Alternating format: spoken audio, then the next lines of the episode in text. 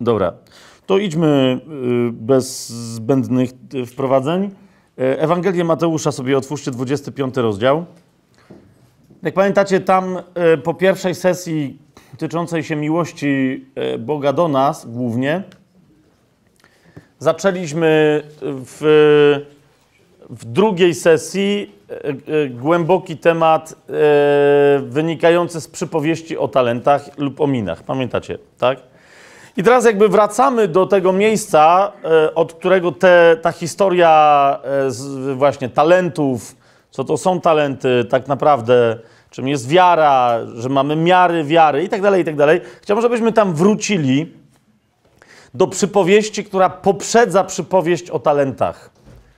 To jest 25 e, rozdział Ewangelii Mateusza i oczywiście chodzi o tak zwaną przypowieść o mądrych i głupich pannach, lub też przypowieść o mądrych i głupich dziewicach, albo też jeszcze w innych tłumaczeniach przypowieść o mądrych i głupich pannach młodych, e, lub też o mądrych i głupich ob oblubienicach. Przeczytajmy ją sobie. Nie wiem, jak, jakie do tej pory, kiedyś, nawet do wczoraj, jakie mieliście wyobrażenia na temat chociażby tej przypowieści, ale myślę, że niektórzy już dzisiaj, po tym co wczoraj sobie i dzisiaj powiedzieliśmy, mogą spojrzeć na tę przypowieść nieco inaczej.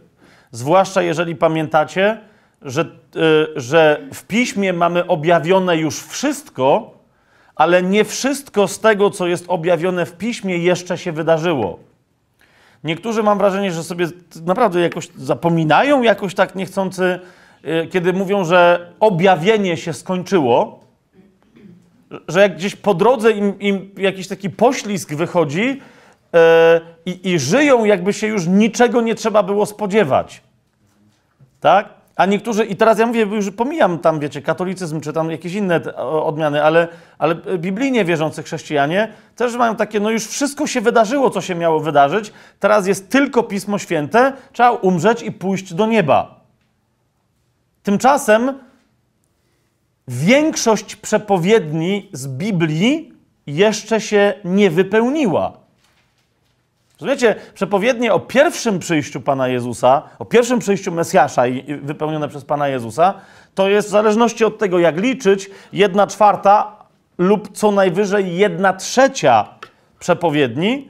Dwie trzecie to są przepowiednie, konkretne, precyzyjne zapowiedzi na temat powtórnego przyjścia Mesjasza, na ziemię, zaprowadzenia Królestwa Izraela, zaprowadzenia królestwa, które będzie królestwem ogólnoświatowym.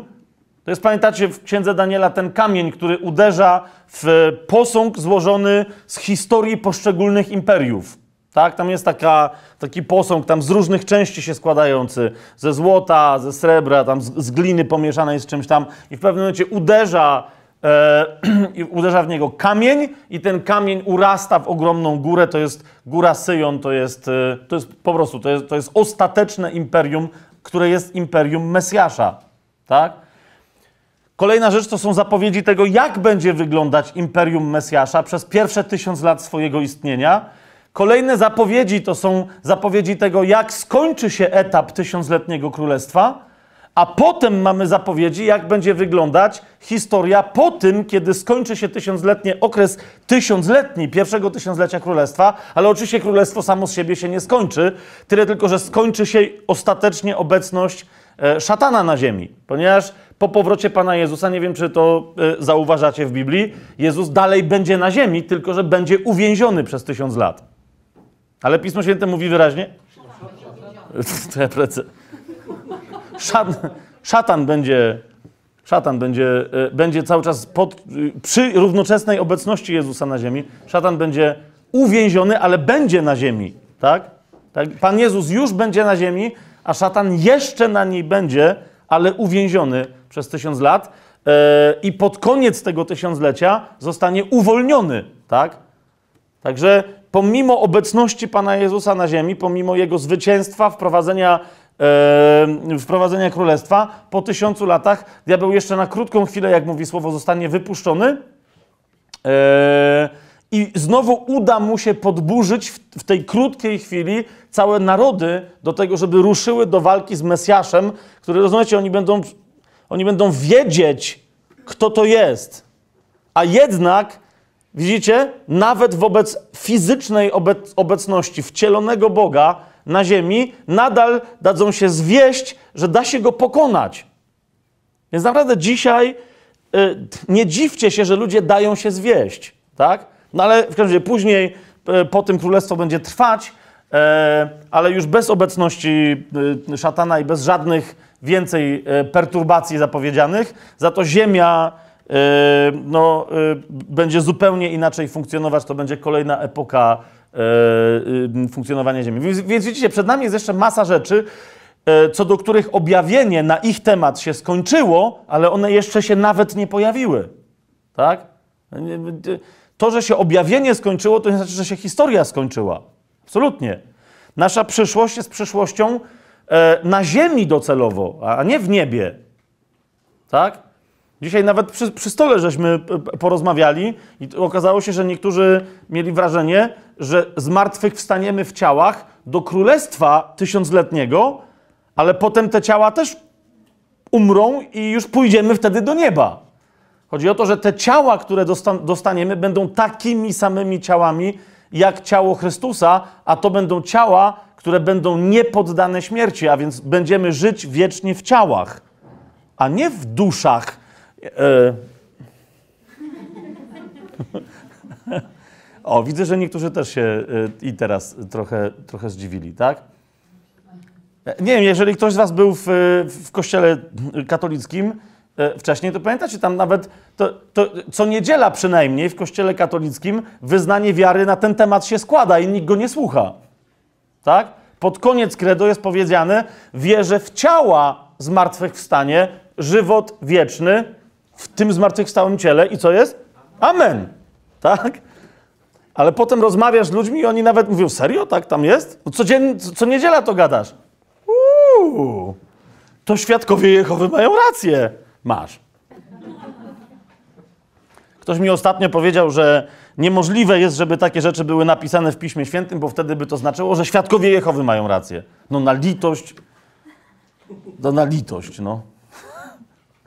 Nie wiem, co tam dokładnie ci świadkowie głoszą, ale chodzi mi o to, że jeżeli nawet gdzieś, wiecie, ele elementy jakiejś doktryny w czymś się z Biblią zgadzają, no to jeszcze raz, patrzę na całość, patrzę na owoce, a, a nie na jakiś tam fragment i w związku z tym Okej, okay, ale y, y, rozumiecie, że taki mamy kontekst. Tak? Taki mamy kontekst, że czekamy na powrót Jezusa. To są bardzo konkretne wydarzenia, to nie są żadne symbole. I teraz w tym kontekście Jezus e, e, mówi tak. To jest 25 rozdział, już raz przypominam Ewangelii Mateusza, od pierwszego wersetu. Mówi tak. Wtedy Królestwo Niebieskie będzie podobne do dziesięciu dziewic, które wzięły swoje lampy i wyszły na spotkanie oblubieńca.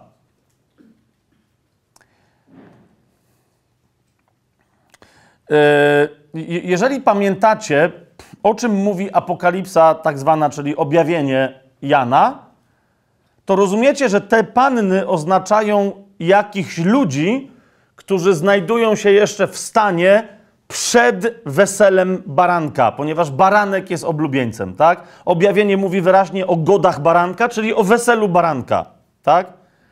Nawiasem mówiąc, e, to tak też jeszcze tak e, trochę na, na marginesie, wam powiem, bo, bo, bo czasem mi się wydaje, że ludzie wszyscy o tym w ogóle wiedzą, a potem się okazuje, że nawet niektórzy badacze pisma nie wiedzą. Tradycyjnie w dalekiej, głębokiej, zamierzchłej i nawet w pewnym sensie wciąż wśród niektórych Żydów kultywowanej tradycji izraelskiej, e, wesele było drugim krokiem po ślubie. Uważajcie, nie znała tam ta tradycja czegoś takiego jak zaręczyny. Tak? Ale w pewnym momencie, kiedy dochodziło do zgody rodziców panny młodej, że okej, okay, dobra, wobec e, nie, nie, przyszłej panny młodej, tak? Wobec absztyfikanta, który jeszcze absztyfikował. I w pewnym momencie mówił, dobra, okej, okay, musimy to przemyśleć, przyjdź, przyjacielu, za półtorej miesiąca. Tak? on przychodził, czy tam kiedyś. I teraz, jeżeli e, na stole stały szklanki i butelka wina, i on przychodził, mówią, okay, usiądź, i tata pan, y, tej dziewczyny, tak, otwierał wino i polewał, to znaczyło, że jest zgoda, będzie za co wypić. Nie, nie tak po polsku, tylko wiecie, ale że trzeba winem troszeczkę szklaneczką zaznaczyć. Okay. I teraz uważajcie, to był ślub. To był ślub. To, to, nie były zaręczyny, które potem można było zerwać. To, to po prostu od tego momentu dziewczyna była żoną tego chłopaka, a on był jej mężem. Ale nie zamieszkiwali razem, dopóki nie odbyło się uroczyste wesele. A kiedy ono się odbywało? Ano na przykład za trzy lata od tej pory. To nie, wiecie, my mamy taką koncepcję, że jest zaręczyny i potem kiedyś będzie ślub, i wesele zaraz po ślubie. A tutaj ślub od razu, oni sobie ślubowali, tak? To było jasne. Nie, nie, nie, nie szczępilibyśmy języka po próżnicy, powiedzieliśmy rodzicom, tyle, jesteśmy posłowie. Tak? Pamiętacie sytuację, jak anioł przychodzi do Marii? Gabriel, tak? I ona, I ona mówi, że ale ja jeszcze nie znam męża, to znaczy nie współżyłam z mężem, znaczy nie mieszkam z nim, nie kochałam się jeszcze z nim, tak? To jak ma być dziecko? Ale zauważcie, że mówi o nim już jako o swoim mężu, tak? Ponieważ właśnie są posłowie, są sobie już zaślubieni. My jesteśmy już zaślubieni Chrystusowi, ale jeszcze nie odbyło się wesele Kościoła, czyli pani młodej, ze swoim oblubieńcem, którym jest Chrystus. Że oblubieńcem, to, to, to, to słowo w Biblii wszędzie oznacza pana młodego. Tak? Właśnie w Ewangelii Jana cały czas jest powiedziane, Je, y, Jezus jest nazywany, no nie cały czas, ale Jezus jest nazywany Panem Młodym.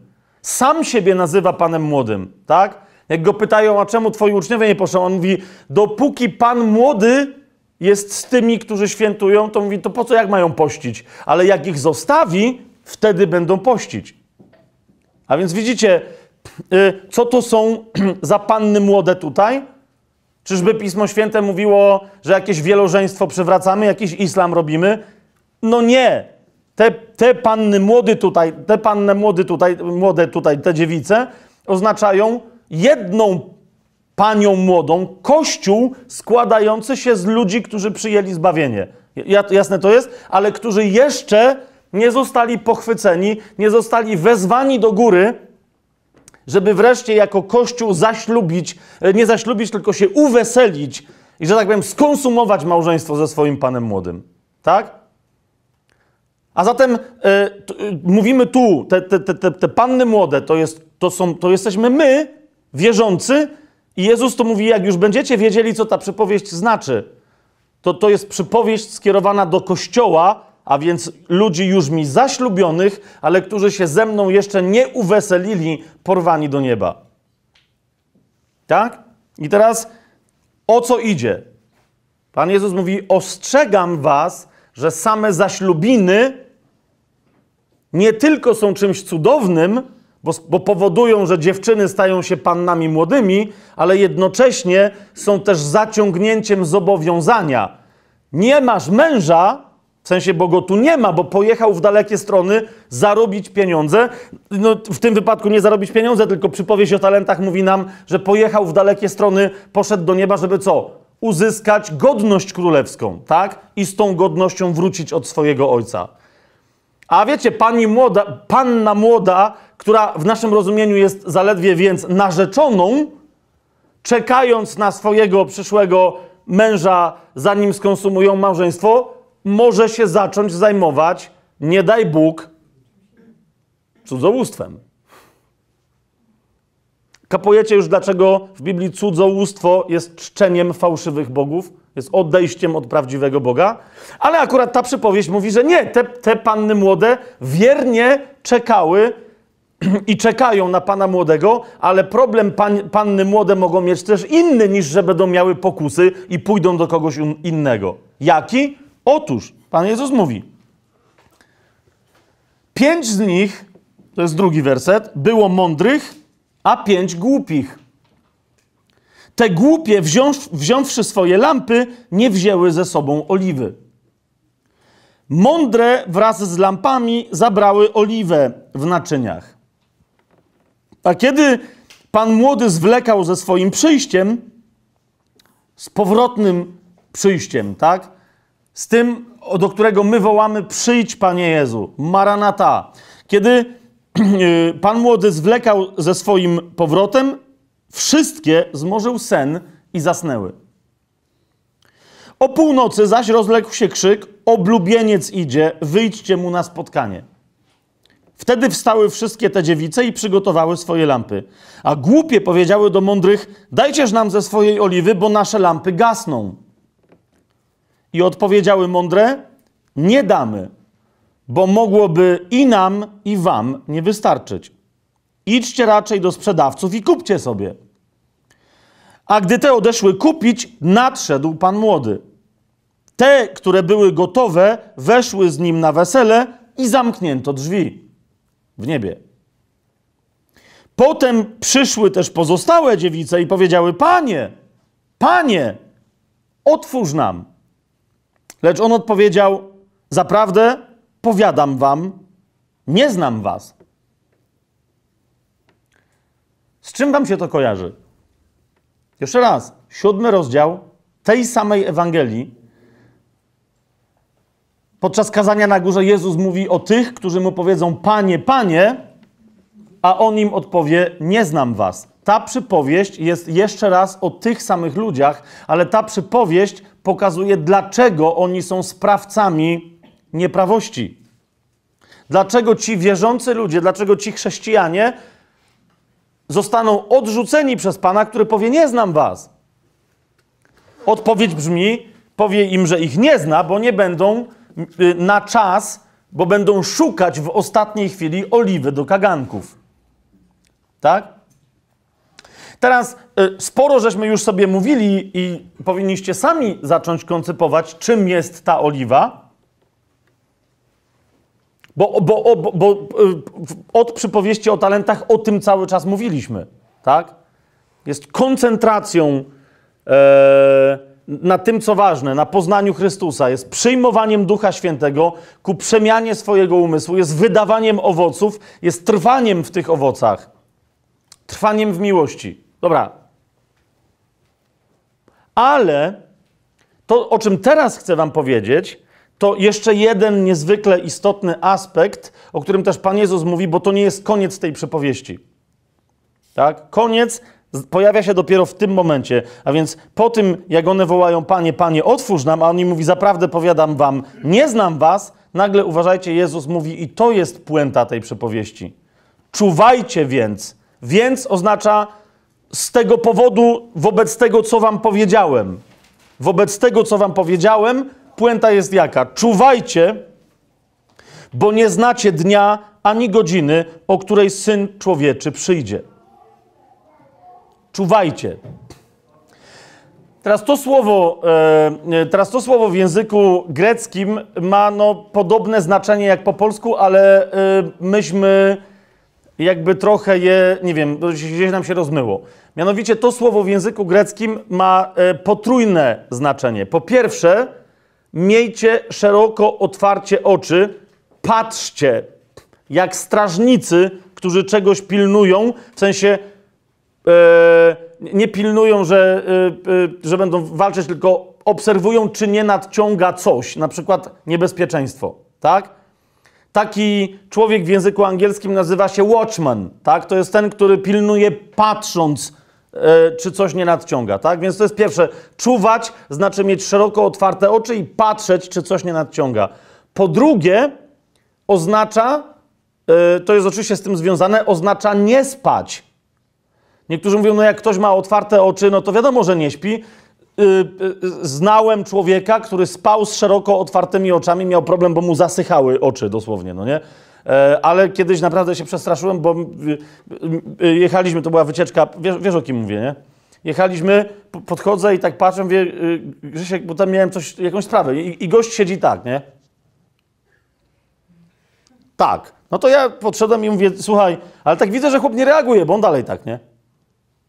Wreszcie mówię, ty, ej, wiesz, ale weź, ej, popatrz na mnie, nie? Okazało się, że on spał. Ja się wtedy dowiedziałem, że on tak śpi. Więc można spać z szeroko otwartymi oczami. Wiecie, czasem otworzysz oczy, e, ale wcale nie patrzysz, tylko wiesz, toczysz jakiś wewnętrzny dialog, tak? E, młodzi mówią, że jak ktoś tak ma, to że się zawiesił. Wiesz, tak jak komputer, no nie, że po prostu I ty dopiero mówisz, ej, halo, no, e, co, jestem, jestem, jestem. Więc wiecie, patrzy, ale nie widzi na to, bo, bo patrzy do środka, tak? Tutaj to oznacza, żeby patrzeć i jednocześnie nie spać. Patrzeć w tym kierunku, w którym patrzą oczy. I po trzecie, być trzeźwym. Ponieważ strażnik może patrzeć, może patrzeć tam, gdzie patrzę, ale może być nietrzeźwy, dosłownie pijany może być, tak? No i w związku z tym y, i tak nic nie będzie z, tej, z tego jego patrzenia. Więc to słowo czuwajcie ma te trzy znaczenia, tak? Teraz powiecie, no dobra, no i co? O co chodzi? E, e, bo mamy definicję słowa czuwać. E, ale wiecie, y, odnoszę wrażenie, jest kolejna rzecz, której mi brakuje dzisiaj nie tylko w nauczaniu, ale w praktyce chrześcijańskiej. Czy czuwanie jest ważne dla chrześcijanina? No, kiwacie głową, nie myślę, okej, okay, to jest jakieś podstępne pytanie. No oczywiście, że jest ważne, tak? Ale to wobec tego, skoro jest ważne, powiedzcie mi, jak nauczylibyście dziecka, jak uczycie, albo nie mówcie mi, bo wtedy wyjdą różne rzeczy, ale na razie okej, okay, ale jak uczycie dzieci czuwania? Tego czuwania, o którym Jezus mówi tutaj w tym miejscu. Czuwajcie więc, bo nie znacie dnia ani godziny, o której Syn Człowieczy przyjdzie. Teraz co to znaczy? Znaczy mamy siedzieć i patrzeć, idzie Jezus? Nie, jeszcze nie. Idzie? Nie. A może nie. Yy, mamy nic nie robić, siedzieć i wyglądać, patrzeć w niebo, czy idzie, czy nie. O co, o co chodzi Jezusowi, kiedy mówi czuwajcie? Żeby wam pokazać, jak ważne jest to słowo, i że czasem się mylimy w pewnych koncepcjach, co znaczy czuwać. Tylko parę fragmentów wam teraz szybciutko zacytuję, ale jak sobie sprawdzicie, ile jest wezwań Chrystusa, ile jest wezwań Słowa Bożego, żeby czuwać i żeby nawet na chwilę nie przestać czuwać, to wtedy dopiero poczujecie ogrom tej sprawy. Jak ktoś się teraz być może czuje wezwany do tego, to zachęcam cię, zrób własne studium tylko i wyłącznie, nawet nie czasownika czuwać w Biblii, ale tego wezwania czuwaj albo czuwajcie. I zobaczysz, co się dzieje na ten temat. Niemniej, żeby mieć pewną rzecz bardzo mocno podkreśloną, otwórzmy sobie Ewangelię Mateusza dalej, 26 yy, rozdział, 41 werset.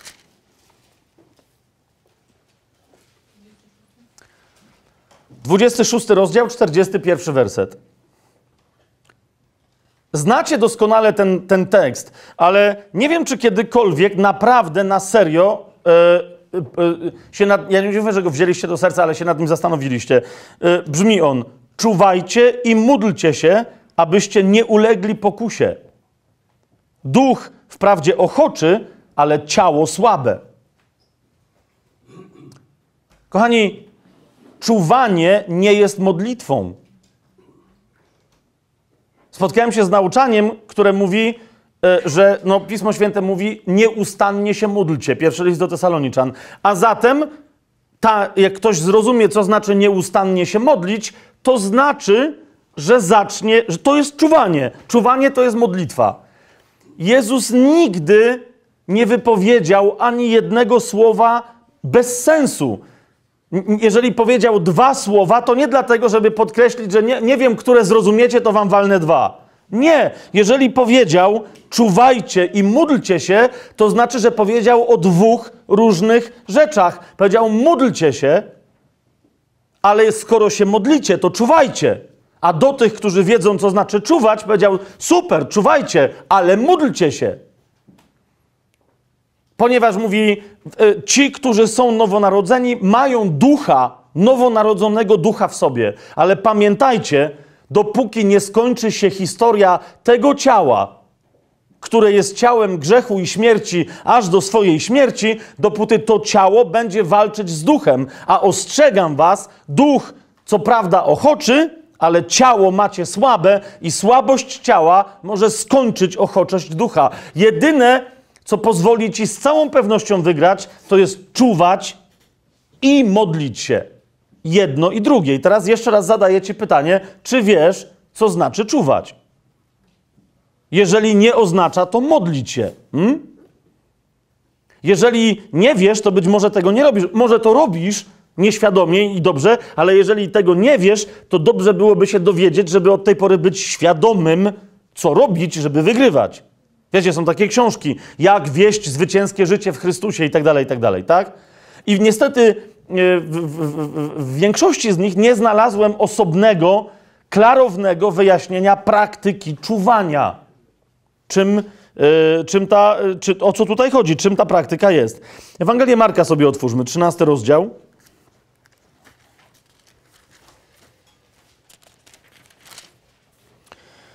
Trzydziesty czwarty werset, bo tam w samej Ewangelii Mateusza o czuwaniu trochę jest, ale tutaj to będzie, myślę, yy, będzie nam się to jeszcze pogłębiać, tak? Bo wiecie, historia duch wprawdzie ochoczy, ale ciało słabe, to była historia, yy, pamiętacie, Jezusa, który poszedł się modlić, a poprosił uczniów, żeby z nim czuwali. Pamiętacie to? I, i, I, widzicie sami, że w tamtej historii widać wyraźnie, że modlitwa to jest modlitwa, a czuwanie z modlącym się Jezusem to jest czuwanie. Tak? I teraz co? Tamci posnęli i Jezus mówi i co? I, nie, i, i naprawdę? Tak krótko? Nie umieliście ze mną czuwać? Czuwajcie i módlcie się.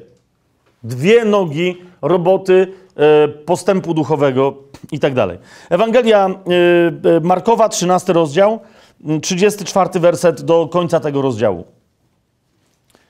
Syn człowieczy bowiem, no tu okej, okay, nie ma tego w oryginalnym tekście, ale to dodaję, że o co chodzi. Tak, syn człowieczy bowiem jest jak człowiek, który wyjeżdżając zostawił swój dom, dał władzę swoim sługom i każdemu jego pracę, a odźwiernemu nakazał czuwać. I zauważcie, Jezus znowu mówi przy tej krótkiej przypowieści jednozdaniowej: Czuwajcie więc, bo nie wiecie, kiedy Pan domu przyjdzie wieczorem czy o północy, gdy pieją koguty, czy rano, by przypadkiem przyszedłszy niespodziewanie, nie zastał was śpiących. A to, co wam mówię, mówię wszystkim: czuwajcie. To jest w odniesieniu do tych, bo niektórzy powiedzieli, ale nie no, czuwać ma odźwierny jak jakiś gość, jakaś grupa ludzi w kościele jest wyznaczona do czuwania, tak? No bo jest powiedziane, że, yy, że dał swoim sługom jego pracę i tak dalej, a odźwiernemu kazał czuwać. I dlatego Jezus mówi, dobra, to był taki przykład, poszedł Pan, zostawił dom, ale to, co mówię, czuwajcie, mówię wam wszystkim, czuwajcie. Ty należysz do tych wszystkich. Rozumiesz, Jezus naprawdę, który jest Bogiem, kiedy to powiedział, obczajasz, że miał przed sobą także Twoją twarz?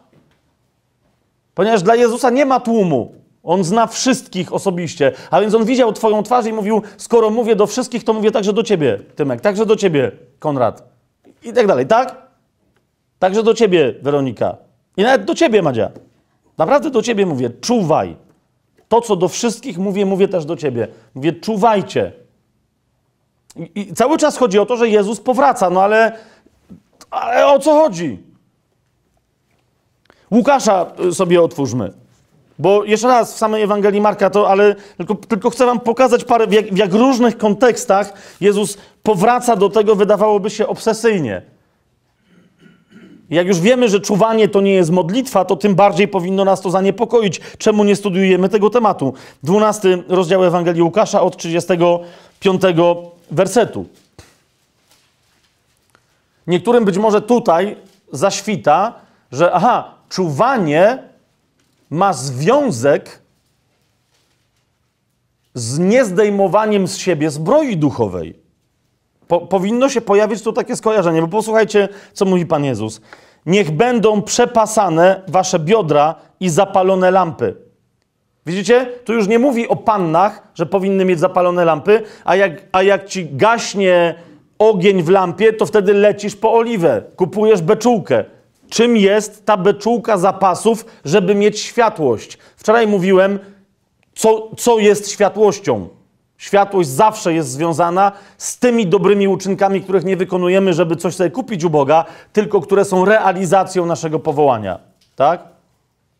A więc niech wasze y, biodra będą przepasane i zapalone lampy. A wy bądźcie podobni do ludzi oczekujących swojego Pana, aż wróci z wesela, bo gdy przyjdzie i zapuka, by, gdy przyjdzie i zapuka, zaraz mu otworzyć. Błogosławieni ci słudzy. Posłuchajcie, o czym Jezus tu mówi. Trochę tam straszy mówi, uważajcie, kiedy wrócę. A tu zobaczcie, co mówi, błogosławieni. E, to słowo wszędzie po grecku oznacza po prostu szczęśliwi. Nie, nie ma słowa błogosławiony jakoś osobnego, tak? To naprawdę wszędzie za każdym razem słowo błogosławiony oznacza po prostu szczęśliwy, uszczęśliwiony. A więc szczęśliwi ci słudzy, których Pan, gdy przyjdzie, zastanie czuwających. I patrzcie, uroczysta obietnica Jezusa do ciebie. Zaprawdę powiadam wam, że Pan się przepasze, posadzi ich za stołem, a obchodząc będzie im usługiwał. Jezus, jak wróci i zastanie cię czuwającą albo czuwającego, tak jak się przepasał i umył nogi swoim apostołom, tak rozumiesz, nie wiem, czy koniecznie będzie nam mył nogi, bo już będziemy czyści całkowicie, ale, ale po prostu powie, siadajcie, jest impreza i, i naprawdę pierwszy puchar, każdemu wina do pucharu on naleje. On to powiedział wyraźnie, zaprawdę powiadam wam, że tak będzie. Ja wam usłużę przy tej kolacji, ale tylko tym, którzy będą czuwać. Którzy nie będą czuwać, nie załapią się na pochwycenie. 38 werset dalej. Jeżeli przyjdzie o drugiej czy o trzeciej straży i tak ich zostanie, błogosławieni są ci słudzy. Tak, to znaczy czuwających, tak? Jeszcze raz to powtórzę, błogosławieni. A to wiedzcie, że gdyby gospodarz znał godzinę, o której ma przyjść złodziej, czuwałby i nie pozwoliłby włamać się do swojego domu. Dlatego i wy bądźcie gotowi, bo Syn Człowieczy przyjdzie o godzinie, której się nie spodziewacie. Widzicie, niektórzy mówią, no ale my możemy policzyć rok, miesiąc, najprawdopodobniej. Zgadzam się.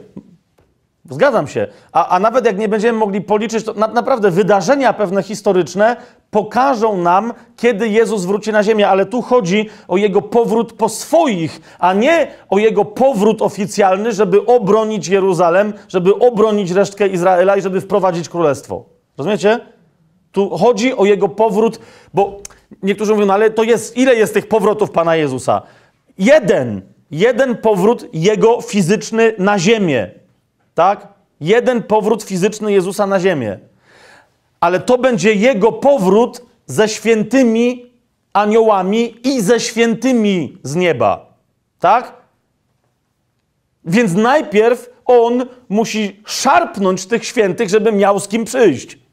Tak? Więc tu nie, tu nie, ma, nie, nie ma mowy o jego w tym sensie po, powrocie koniecznie fizycznym do królestwa, ale o jego powrocie po ciebie.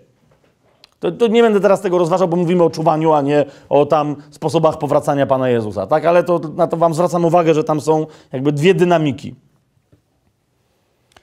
Wtedy Piotr go zapytał, Panie, tę przypowieść, Piotr mi się podoba, on jest zawsze, on się nie wstydzi, że ma dziwne pytania, po prostu genialny i dlatego się tyle dowiedział od Pana Jezusa. Mówi, Panie, a tę przypowieść mówisz do nas czy do wszystkich? Na co Jezus jak zwykle odpowiada mu tak mądrze, żeby zrozumiał, a jednocześnie bardzo głęboko.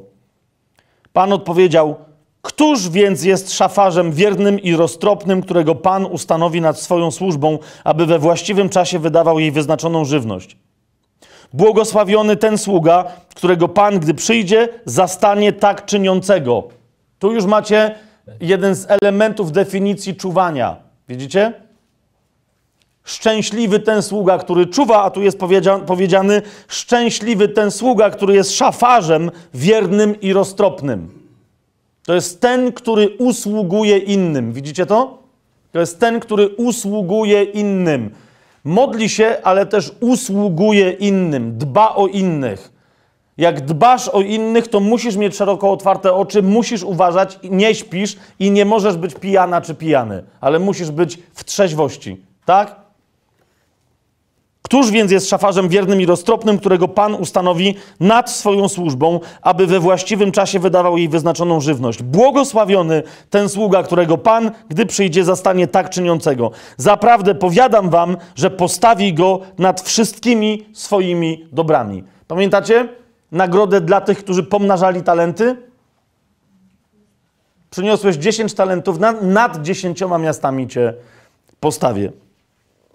Ale czytamy dalej, jeśli ten sługa powie w swoim sercu, mój pan zwleka ze swoim przyjściem, miał już dawno być, a coś go nie widać, i zacznie bić sługi i służące, zacznie jeść, pić i upijać się, oto widzicie, to jest człowiek, który przestał czuwać. Bije swoje współsługi, yy, i współsłużące, zaczyna sobie używać i zaczyna sobie nadużywać i traci trzeźwość. Przyjdzie Pan tego sługi w dniu, w którym się nie spodziewa i o godzinie, której nie zna i odłączy go i wyznaczy mu dział z niewierzącymi. Wyrzuci go z królestwa. Nie trafi do piekła, ale w królestwie niewierzący tysiącletnim nie, nie będą zamieszkiwać. Tak? Ten zaś sługa, który znał wolę swojego pana, a nie był gotowy i nie postąpił według jego woli, otrzyma wielką chłostę. Lecz ten, który jej nie znał i uczynił coś godnego kary, otrzyma małą chłostę. Komu wiele dano, od tego wiele się będzie wymagać, a komu wiele powierzono, więcej będzie się od niego żądać. I zauważcie, kolejny bardzo istotny aspekt. Czuwanie oznacza znajomość woli Boga. Co do siebie, co do świata i co do siebie. Kiedy ostatnio miałaś rozważanie, albo miałeś modlitwę, rozmowę z Panem, w ramach której rozważaliście sobie, jak e, bardzo cieszy Cię wola Boża i jak wiernie realizujesz ją w swoim życiu? Kiedy ostatnio miałaś taką modlitwę? Kiedy ostatnio pytałeś Pana, Panie, czy jesteś zadowolony z tego, jak realizuje Twoją wolę? Czy może jesteś jednym z tych chrześcijan, którzy w kółko się pytają, ale co to jest ta wola Boża? Jeszcze raz, zobaczcie, jak ktoś nie wiedział, co to jest wola Boża, to nie uniknie chłosty. Dostanie, ale małą. Ten, kto wiedział, co to jest wola Boża i jej nie wykonywał, dostanie chłostę dużą. Nikt wszakże nie jest zwolniony z wierzących ze znajomości woli Bożej. O woli Bożej jeszcze za chwilę, yy, za chwilę sobie po, yy, powiemy. Pierwszy do Koryntian otwórzmy, 16 rozdział, 13 werset. Wiem, że żeśmy teraz weszli, yy, no jak w ogóle w tym tygodniu był hardcore, to po takim ciężkim rozważaniu, jak ja teraz jeszcze tu was wpuszczam, to to jest dopiero hardcore. Ale nic mnie to nie obchodzi. Ale nic mnie to nie obchodzi. Dlaczego? Po, ponieważ e, e, Słowo Boże w innym miejscu, nie będę teraz tego rozważał, komu wiele dano, od tego wiele wymagać się będzie. Wszyscy jak tu siedzimy, wszyscy zbawieni, wierzący im dłużej, to nie ma tu nikogo, komu by niewiele dano. Rozumiesz? Wiele ci dano i w związku z tym wiele od ciebie wymagać się będzie. A Słowo Boże w jednym miejscu też do mnie na przykład mówi wyraźnie, yy, do, do was też, tak ostrzegam was tylko, tak? Ale Słowo Boże mówi wyraźnie, nie chciejcie być nauczycielami w Kościele. Nie chciejcie być nauczycielami. Pamiętacie to słowo? Niektórzy nie, ale to jeszcze raz Słowo Boże ostrzega, mówi, to jest najgorsza fucha w Kościele. Dlaczego? Ponieważ nauczyciele tym surowiej będą sądzeni. Kapujecie? I dlatego ja nie mam prawa wam nie mówić, jeżeli Pan mi powiedział, że, ma, że mamy mówić o czuwaniu, wam o tym nie powiedzieć, ponieważ to jest za skomplikowane i to jest hardcore. Dlatego nie obchodzi mnie to. A, a jeżeli ktoś zorientuje się, że nie do końca był trzeźwy i wybudzi się ze snu, to chwała Bogu. To, to dobrze, że, tak, że miał hardkorową, ale pobudkę. Tak? Pierwszy do Koryntian, 16 rozdział, 13 werset. Widzicie, to nie tylko Pan Jezus. Ja, ja, tylko parę fragmentów od Niego wyciągnąłem, Jego wezwań, czuwajcie. Ale zobaczcie, Paweł do Koryntian, tych dziwaków ukochanych Jego, mówi, czuwajcie, czuwajcie. I zauważcie, Koryntianom, którym w kółko musiał różne podstawowe rzeczy tłumaczyć, i nie tylko podstawowe, kwestii, co znaczy czuwać, nie tłumaczy. Ponieważ wie, że oni wiedzą. Mogą być łosiami pod różnymi względami, się mi zremowało. Ale gdy chodzi o czuwanie, wystarczy im tylko przypomnieć. Mówi, czuwajcie. To jedno. Drugie, trwajcie w wierze. Trzecie, bądźcie mężni. Czwarte, umacniajcie się. Cały trzynasty werset. Nie tłumaczy nawet Koryntianom, co znaczy czuwać. Kolosan sobie otwórzmy. Tam, po, pominmy jedną tam i jeszcze drugą rzecz, ale ta, takie, których nie możemy pominąć, no to nie możemy pominąć. Otwórzmy sobie list do Kolosan. Czwarty rozdział, drugi werset. Nie dość, kochani, y, y, że Pan Jezus powiedział wyraźnie, że czuwanie i modlitwa to są dwie różne rzeczy.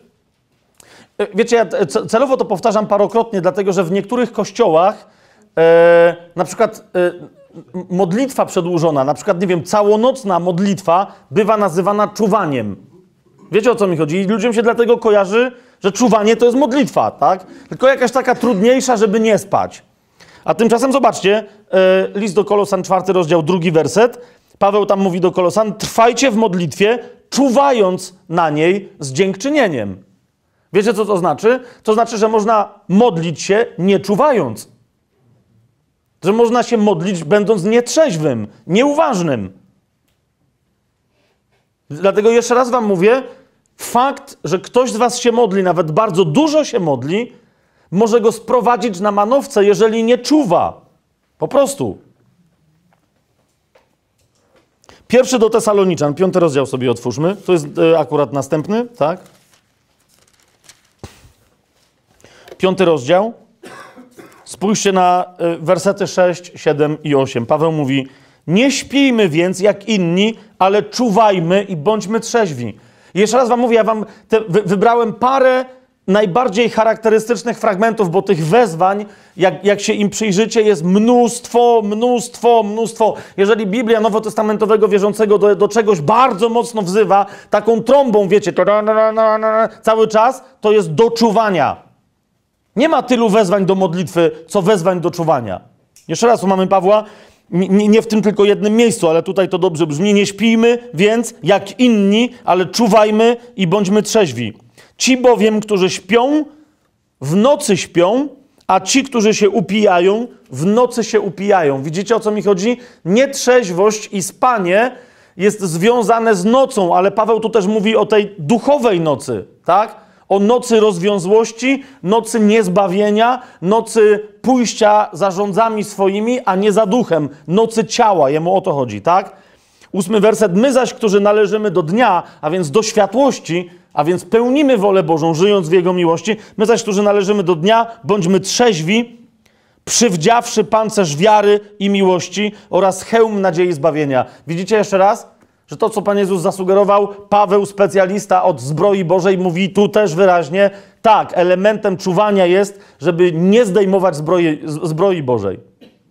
Ilu chrześcijan bierze udział w wielkich wydarzeniach, nawracają tysiące osób na ulicy, jadą na jakąś konferencję, mają głębokie przeżycia. My tu mamy spotkanie, mamy głębokie przeżycia. Jeżeli jesteście tu trzeźwi i modlicie się, e, Duch Boży w was działa, macie założoną zbroję, myślicie, że szatan jest kretynem i teraz was będzie atakować? Nie, jeżeli ktoś z was ma zwyczaj zdjąć zbroję Bożą, pełną zbroję Bożą, jakiś kawałek zbroi z siebie, zanim umrze, to diabeł na takich czeka. Jak zdejmiesz hełm, to dostaniesz pałkę.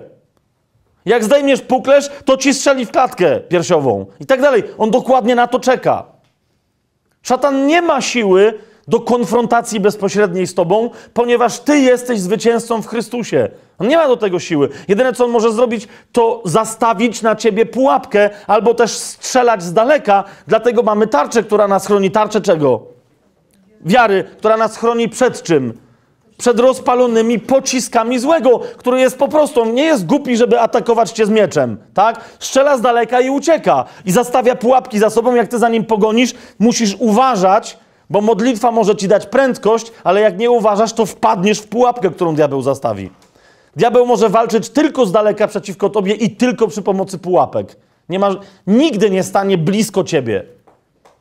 A Bóg mówi: dopadnij dziada, dlatego ty masz miecz. Nie masz łuku. Ktoś z was widział łuk Boży w zbroi Bożej? Nie, ty masz tylko miecz i to krótki. Masz gladiusa, masz go dopaść i z bliska, i wykończyć. Przeciwstawić się diabłu z bliska, a ucieknie od ciebie. Przestać uciekać przed nim, zacząć gonić jego. To jest to, przeciwstawcie się diabłu, a co? Ucieknie od was. Tak mówi słowo, tak? My zaś, którzy należymy do dnia, bądźmy trzeźwi. W jaki sposób?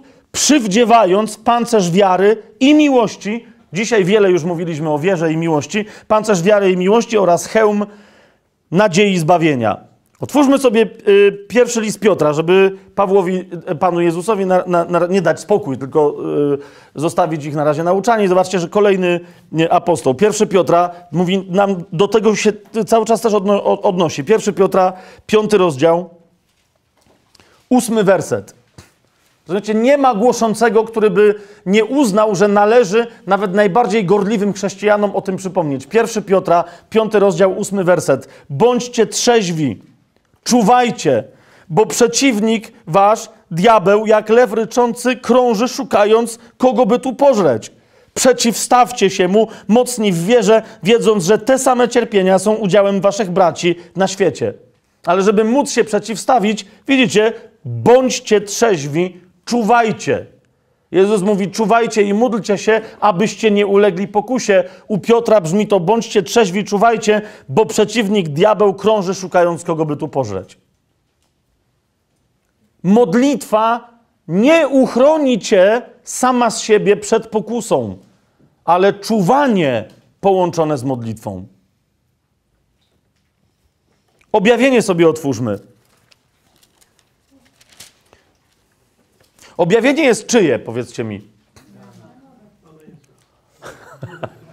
Dziękuję.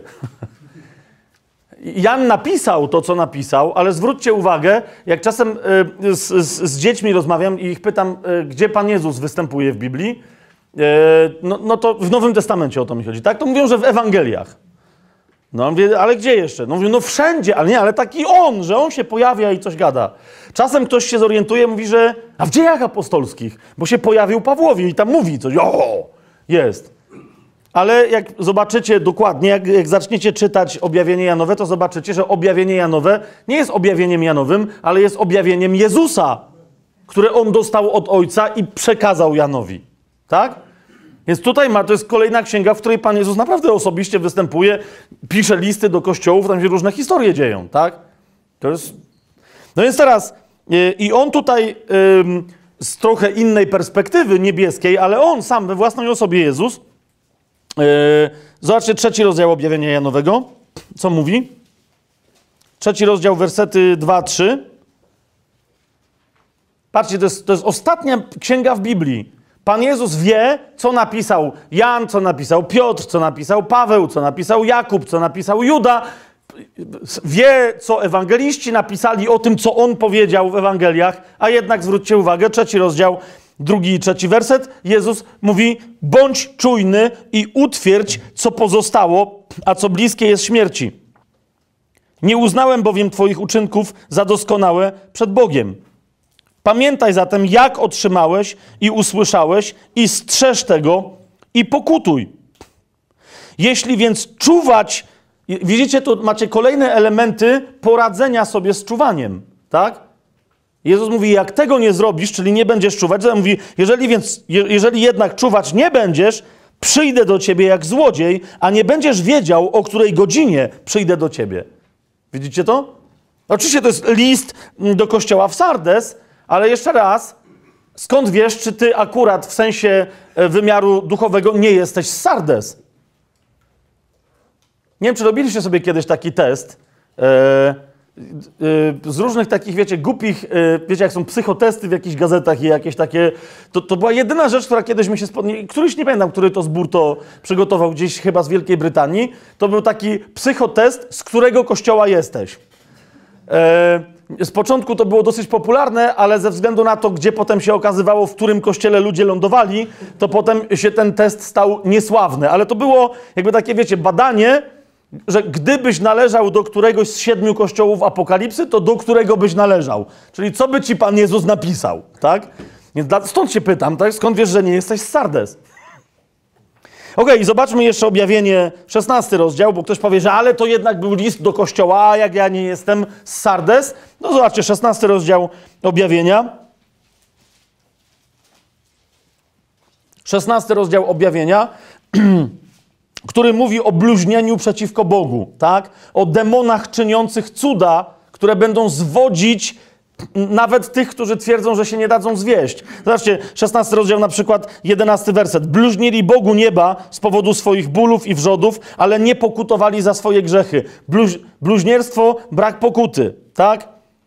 Trzynasty werset. Zobaczyłem trzy duchy nieczyste, jakby żaby, które wychodziły z paszczy smoka i z paszczy bestii i z ust fałszywego proroka. A są to duchy demonów, które czynią cuda i wychodzą do królów ziemi i na cały świat, aby ich zgromadzić na wojnę i tak dalej, i tak dalej. I w tym kontekście ni stąd, ni z owąd, naprawdę, jak zobaczycie cały kontekst 16 rozdziału, w ogóle szeroki kontekst, ni stąd, ni z owąd, nagle Pan Jezus we własnej osobie wtrąca znowu co? 15 werset. Oto ja przychodzę jak złodziej.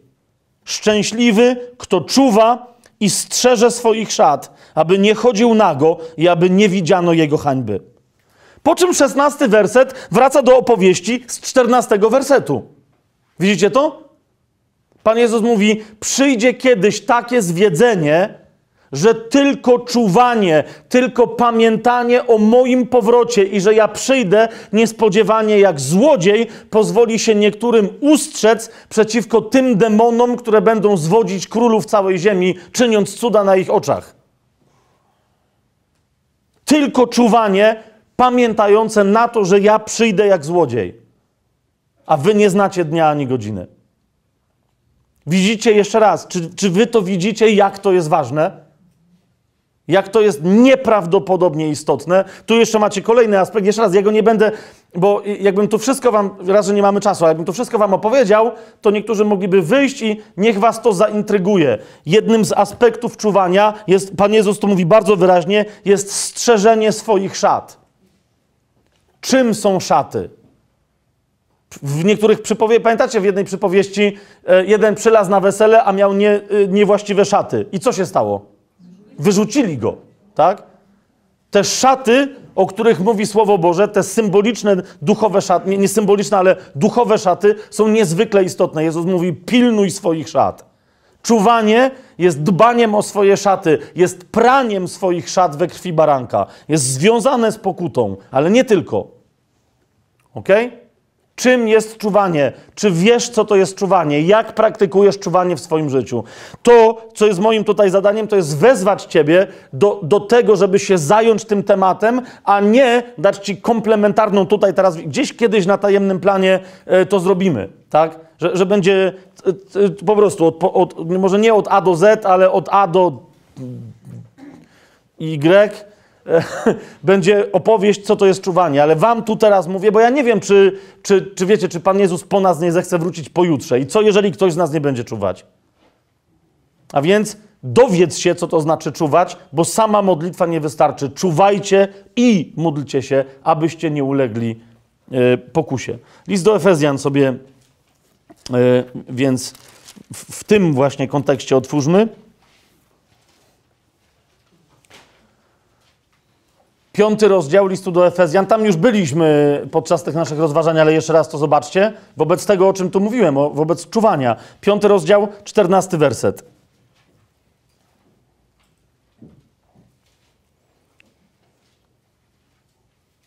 Dlatego mówi: Obudź się, który śpisz, i powstań z martwych, aby jaśniał ci Chrystus, lub a zajaśnieje ci Chrystus. Uważajcie więc, żebyście postępowali rozważnie, nie jak niemądrzy, ale jak mądrzy. Widzicie, pierwsze, zbudź się o śpiących i powstań z martwych. Jeżeli chrześcijanin śpi, bo to jest zwrot nie do niewierzącego, ale do wierzącego. Jeszcze raz nie będę teraz, wiecie, bronił tego, te, tej tezy, tylko sprawdźcie sobie znowu kontekst, tak? Zbudź się o śpiący i powstań z martwych. Jeżeli wierzący nie czuwa, a śpi, to jest tak, jakby był martwy. A więc zbudź się o śpiący, powstań z martwych, żeby ci jaśniał Chrystus. Nie bądź głupią panną, ale mądrą. Tutaj Paweł to mówi wyraźnie. Uważajcie, żebyście postępowali rozważnie. Nie jak niemądrzy, ale jak mądrzy. Nie jak głupie panny, ale jak mądre. Tu widzicie, pojawia się ten zwrot, odkupując czas, bo dni są złe. Trwonienie czasu jest nieuwagą. Trwonienie czasu jest nieczuwaniem. Trwonienie czasu z otwartymi oczami jest spaniem nietrzeźwym z otwartymi oczami. 17 werset dalej. Dlatego nie bądźcie nierozumni, ale rozumiejcie, jaka jest wola Pana. Kolejny aspekt czuwania znajomość woli Boga. Jaka jest wola Boga w ogóle? Jaka jest wola Bo Boga względem ciebie dla całego twojego życia? Jaka jest wola Boga na konkretnym y, etapie y, twojego życia, w konkretnym aspekcie twojej osoby? Dobijanie się do Boga, kiedy tego nie rozumiesz, jest elementem czuwania. Panie, jaka jest Twoja wola? Nic innego nie może być czuwaniem, jak tylko pełnienie Twojej woli. Dlatego nie bądźcie nierozumni, ale rozumiejcie, jaka jest wola Pana. Osiemnasty werset. I nie upijajcie się winem. Jeżeli nietrzeźwość ma, ma, ma, może być duchowa, to może też być normalnie, zwyczajna. Nie upijajcie się winem, mówi, mówi Paweł. Nie ma ani jednego momentu w życiu chrześcijańskim, żeby ktoś powiedział, że no, należy mi się, powinienem się trochę odprężyć. Alkohol mnie odpręża, albo coś innego, co zaburza lekko świadomość, albo rozluźnia ciało, tak? Kiedyś jeden mędrzec y, mi powiedział, że pismo nic nie mówi, że nie wolno palić trawy. Tylko, że nie wolno pić wina. Znam drugiego mędrca, który powiedział, mówić, wina y, nie wolno pić, ale wódka... Y, nie ma mowy. No, rozumiecie, no nie chodzi o wino, tylko chodzi o to, żeby być trzeźwym. Jeżeli cokolwiek powoduje twoją nietrzeźwość, to, no to właśnie, to nawet jak się modlisz wtedy, to no właśnie. Nie upijajcie się winem, w którym jest rozwiązłość, ale bądźcie napełnieni duchem. Widzicie już, co jest oliwą? Co jest oliwą? Która powoduje, że, że lampa może świecić? To jest duch. Im bardziej cię wypełnia, tym bardziej świecisz uczynkami swoimi, tym bardziej jesteś autentyczną światłością świata. Nie upijajcie się winem, w którym jest rozwiązłość, ale bądźcie napełnieni duchem, rozmawiając z sobą przez psalmy, hymny i pieśni duchowe, śpiewając i grając Panu w swoim sercu, dziękując zawsze za wszystko Bogu i Ojcu w imię naszego Pana Jezusa Chrystusa, będąc poddani sobie nawzajem w bojaźni Boga. Poddanie z takiego czy innego powodu, posłuchanie brata albo siostry w zborze, nawet jak nie do końca się z pewnymi rzeczami zgadzasz, tak? Nie ma być wyrazem tego, że się go boisz. Jak się boisz kogoś w zborze, to mu się postaw. Nie po to, żeby mu zrobić krzywdę, tylko żeby się przestać bać. Tak? Bać się masz tylko Boga, o tym mówi ten fragment. Ale żeby być trzeźwym, miej o sobie, po prostu zajmij się sobą. Miej o sobie słuszne mniemanie. Według miary wiary, jaką ty masz. Według miary daru Chrystusowego, jaki On ci dał. A wobec innych naprawdę nie przejmuj się, jak, jak ktoś się, jak idiota ucieszy, że trochę nadepnął na ciebie, że ci wszedł na grzbiet i, i trochę na tobie pojechał. Wzajem brzemiona swoje noście, nic się nie dzieje. Ty czuwasz, chyba że on zaczyna na twoim grzbiecie spać, to go zrzuć. I jeszcze na jedno wam zwracam uwagę, dwudziesty werset. Nie wiem skąd się biorą niektóre nauczania, żeby dziękować e, Bogu za dobre rzeczy. Patrzycie, no a co, co za złe? No zobaczcie, 20 werset. Dziękując zawsze za wszystko Bogu i Ojcu. Nie, nie, tylko dlatego, że my czasem nie wiemy, że coś, co nam się przydarzyło, było dobre, a nam się wydaje, że było złe. Tak? Ale dlatego, że dziękczynienie autentycznie zakrzywia rzeczywistość. Tak? Dziękczynienie jest miłosną postawą. Tato, wiem, że tu mi trochę jest niekomfortowo z tym, co się dzieje, ale dzięki Ci za to, co się dzieje. Nie wiem, czy ty jesteś sprawcą tego, ale dziękuję ci, że to się dzieje, ponieważ dziękując, otwieram się na Twoją moc, na Twoją interwencję, daję Ci przestrzeń, żebyś Ty działał. I nawet jeżeli to, co, na mnie spada, nie jest dobre, to wiem, że Ty i tylko Ty możesz to na dobro obrócić. Dziękczynienie pozwala działać Ojcu.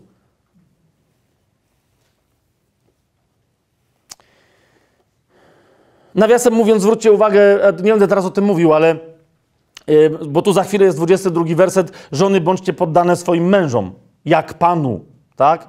Ale jeszcze raz zauważcie, że to jest w kontekście chociażby 21 wersetu, tak? To nie dlatego, że się macie bać męża, albo być w jakimś poddaństwie bo, bo, bojaźliwym wobec męża, tylko macie się bać Boga, tak? A mężowie, niektórzy całe te, te, te dziwaczne nauczania tworzą o tym, jak to mężowie rządzą żonami, jeżeli któryś mąż jest w stanie naprawdę udowodnić, stanąć przed Bogiem, podnieść rękę i udowodnić, że oddał życie za swoją żonę, tak jak Chrystus za Kościół, no to tak, to wtedy rzeczywiście jest Panem, tak? No, bo zauważcie, na jakiej podstawie panuje mąż, e, w, nie w cudzym słowie, panuje mąż nad żoną, tak? Tylko tak, jak Chrystus jest głową dla Kościoła. A Chrystus e, tą głową dla Kościoła e, stał się, wiecie na jakiej drodze, tak? To, to, to, czeka męża, który chce panować nad swoją żoną, we, niezależnie jaką chce panować, ma być dla swojej żony Chrystusem oddającym za nią życie. I, I, tylko taki mąż, ale, ale, ale takiemu mężowi nie, nie, nie, widzę, jaka by to dziwna musiała być żona, która by nie chciała iść w sukurs. Rozumiecie, o co mi chodzi? No, no i tyle, jest po temacie. Ale jeszcze raz, cała ta, bo niektórzy wy, wyszarpują to nauczanie niby o małżeństwie. Nawiasem mówiąc, to nauczanie w ogóle nie jest o małżeństwie, tylko o kościele, tak? A, a, a tylko, yy, no właśnie, a, a małżeństwo, ale to dobra, już nie, tylko jeszcze raz, to, tam jest cały szeroki kontekst, tak? A bojaźń należy się tylko Panu i poddaństwo należy się tylko Panu, tak? A te relacje, w których ktoś dla kogoś jest jakby Panem, bądźmy bardzo ostrożni, żeby, żeby nie przeszarżować. A więc jeszcze raz, zostawiam was, zostawiam was z tematem, zostawiam was z tematem czuwania. I, jeszcze tylko, myślę, ba, bardzo, bardzo szybciutko. Ja czasem jak mówię, że coś robię w ramach Pisma Świętego bardzo szybciutko, to tak sam nie wiem, po co to mówię, bo to, to jest szybciutko. Mm, ale zwracam wam uwagę na drugą rzecz. Ktoś mi kiedyś powiedział, że szkoda, że Pismo Święte, y, y, jak y, akcentowałem gdzieś tam na jakimś spotkaniu wolę Bożą, to ktoś mi powiedział, że szkoda, że Pismo Święte nic nie mówi na temat woli Bożej. Tam ktoś jeden wręcz powiedział, że w ogóle nie ma takiego sformułowania w Biblii. To już byłem mocno e, zaskoczony. Tak? E, ale tylko wam pokażę parę fragmentów, bo widzicie, znajomość woli Bożej jest kluczowa dla czuwania. Jak nie czuwasz, to giniesz. Wpadasz w pułapki e, diabelskie i tak dalej, i tak dalej. Więc jeszcze tylko wam pokażę możliwe tropy, gdzie Biblia wprost mówi o, e, o woli Bożej i z czym to się wiąże. List do Rzymian, 12 rozdział. E, ponieważ żeśmy wiele tematów tu już dzisiaj poruszyli, to ja ich nie będę teraz dodatkowo rozwałkowywał. Mam wrażenie, ma, mam nadzieję, że, że Duch Boży Wam e, właściwe skojarzenia sam teraz e, odświeży. List do Rzymian, 12 rozdział, drugi werset. Paweł mówi: Nie dostosowujcie się do tego świata, ale przemieńcie się przez odnowienie waszego umysłu, abyście mogli rozeznać, co jest dobrą, przyjemną i doskonałą wolą Boga co jest warunkiem, żeby móc rozeznać, co jest dobrą, przyjemną i doskonałą wolą Boga. Zobaczcie, co jest napisane w tym wersecie. Po pierwsze, masz nie być przyjacielem świata. Pamiętacie dzisiaj, co, co nam Jan mówił o tym, że jak ktoś jest przyjacielem świata, to jest nie, i Jakub jest nieprzyjacielem, yy, jest nieprzyjacielem Boga. Tak? Więc widzicie, Paweł tu mówi: nie dostosowujcie się do tego świata. Raz. Dwa, Przemiana umysłu. Już widzicie, dlaczego tyle poświęciliście przemianie, prze, poświęciliśmy przemianie umysłu. Paweł tu rzuca jedno tylko hasełko, ale zobaczcie, jaka tam głębia za tym stoi, tak? Nie dostosowujcie się do tego świata. Przemieńcie się przez odnowienie waszego umysłu. To dopiero pozwoli wam zacząć rozeznawać wolę Bożą. Ale y, przy okazji chciałbym wam pokazać, zobaczcie, jak Paweł mówi o woli Bożej. Paweł mówi o woli Bożej jak o jakiejś cudownej kobiecie. To do mężczyzn teraz mówię. Ja nie wiem, co mam kobietom powiedzieć, że mówi o woli Bożej jak. Dobra, o cudownym mężczyźnie. Nie, chociaż jakoś to nie wiem, czy to, to nie trafia, nie? No właśnie. Jak o czymś cudownym, no nie wiem czym. Yy. Ale, ale wiecie, bo jak, jak pada niektórzy, na przykład, no ja wiem to w sensie, bo to jest najbliższe mi jakby wiecie środowisko, czyli Kościół katolicki, tak? Nie najbliższe, ale w sensie, no, że je dobrze znam. Tam jak pada hasło wola Boża, to znaczy urwana noga albo wypadek, albo nieszczęście, albo wiecie, ja, nie chodzi mi o to, że się śmieję, tylko wiecie, stanie się coś złego komuś i, i, i no, kto z was był w kościele katolickim? Okej, okay, okay, na jakimś tam etapie, okej, okay, prawie wszyscy. To, to wiecie, to jest takie, y, ty przychodzisz i mówisz, katastrofa, wyrżnęli mi całą rodzinę. I jakby zdziwilibyście się, jakby z drugiej strony padła odpowiedź, wola Boża. Nie zdziwi, no o to właśnie mi chodzi. No wiecie, to jest takie, ale to nie jest tak, że ktoś tam tego jakby aż tak hardkorowo uczy, tak? Ale tak jest, tak wynika z tych wszystkich kontekstów, tak? Że nikt, nikt nie opowiada ci o woli Bożej w innym kontekście niż tylko nieszczęścia, tak? Jak nie wie, co ma zrobić, to mówi, no musisz przyjąć wolę Bożą, tak? A zobaczcie, co Paweł, jakie przymiotniki. Wiecie, że Paweł nie jest, nie, nie szafuje bezsensownymi przymiotnikami, a on tu nagle postanowił, jakiś, jak jakiś barokowy poeta, trzy przymiotniki tutaj zawrzeć. Że wola Boża jest jaka? Dobra, dwa, przyjemna i trzy, perfekcyjna dla ciebie. Jest dobra, ale nie wiem, jaki macie ten drugi w swoich tłumaczeniach przymiotnik. Przyjemna. Miła. Ale, ale łapiecie? Ktoś przychodzi i wyrżnęli mu całą rodzinę, a ty mu mówisz, to miło. To dobrze, przyjemnie. To doskonale. Zobaczcie, to są, to jest dobra, przyjemna, doskonała. Bardzo dobrze. Bardzo mi miło, doskonale. What? Zaraz ty byś skończył z wolą Bożą. Widzicie, o co mi chodzi? Jaka jest perwersja związana z, z tym czymś i dlatego ludzie się boją tematu woli Bożej, tak? Się boją, że dobra, wola Boża, Oj, oj, dobra, jeszcze w kościele katolickim tam jest jeszcze inna historia, że wiesz, powinieneś rozeznać wolę Bożą. I, i, i cza, kiedyś jedna dziewczyna, ja nie chcę być zakonnicą. Że jakby są różne y, etapy nieszczęścia, no nie o to mi chodzi, ale... Y, co, co będzie na rekolekcjach? No wiesz, no będziemy szukać woli Bożej, a to jest powołaniówka? A co jak się okaże, że Bóg chce, żebym był księdzem? A ja nienawidzę nawet myśli na ten temat. Rozumiecie, wola Boża to jest coś, że Bóg tego czegoś chce i cię zmusi do tego. To jest jeszcze inny aspekt, tak? I cię zmusi do tego. Jeszcze raz, ale co to ma wspólnego z czymś, co jest dobre, przyjemne i doskonałe? Tak? Dobre, przyjemne i doskonałe. List do Efezjan sobie otwórzmy. Piąty rozdział, znowu tam Wracamy do listu do Efezjan, piąty rozdział.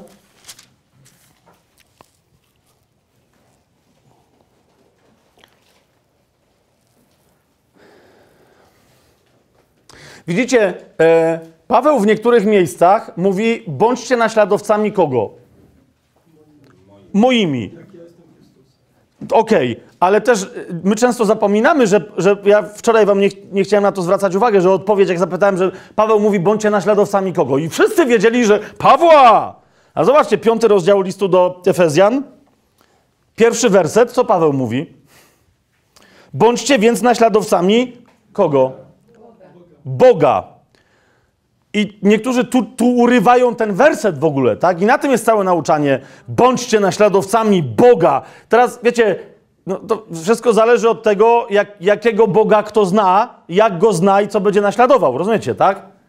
Niektórzy tam mieli napisane na, na bagnetach God mit uns. I, wiecie, oni też byli naśladowcami jakiegoś Boga, tak? Tu chodzi o prawdziwego Boga, ale Paweł nie tylko mówi, że mamy być Jego naśladowcami, ale w jaki sposób. Zobaczcie, bądźcie więc naśladowcami Boga jako umiłowane dzieci. Dzieci, które są wypełnione doświadczeniem, że są kochane. Takie dziecko chce iść za swoim ojcem. Tak? Jest ciekawe, co on tam robi.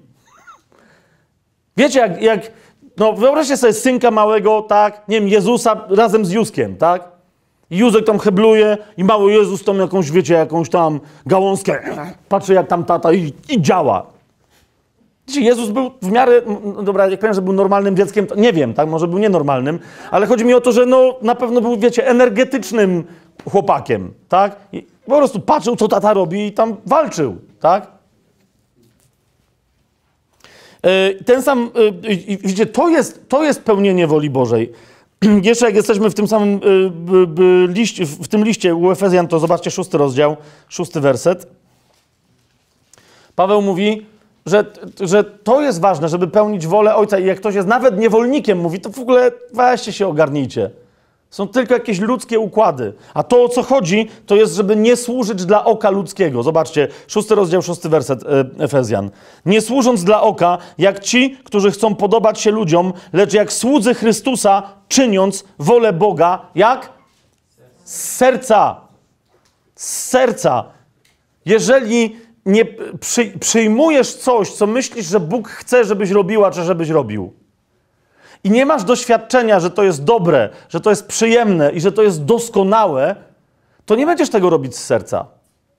A więc szukaj tego, szukaj woli Bożej gdzie? W swoim sercu, żeby z serca móc czynić.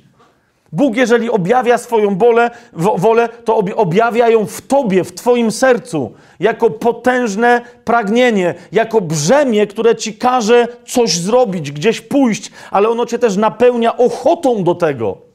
Oczywiście trudno, żeby cię napełniał, jak ty się nie otwierasz, żeby się napełniać. To jest jeszcze inny aspekt, tak? Ale wam tylko pokazuję, zobaczcie, olejcie to, że ktoś na was patrzy albo nie patrzy. Dajcie spokój z, z tym, co kto sobie pomyśli, kiedy. Jedyne, co nas powinno interesować, to, to służyć Chrystusowi, czyniąc wolę Boga z serca. Pierwszy do Tesaloniczan. Czwarty rozdział.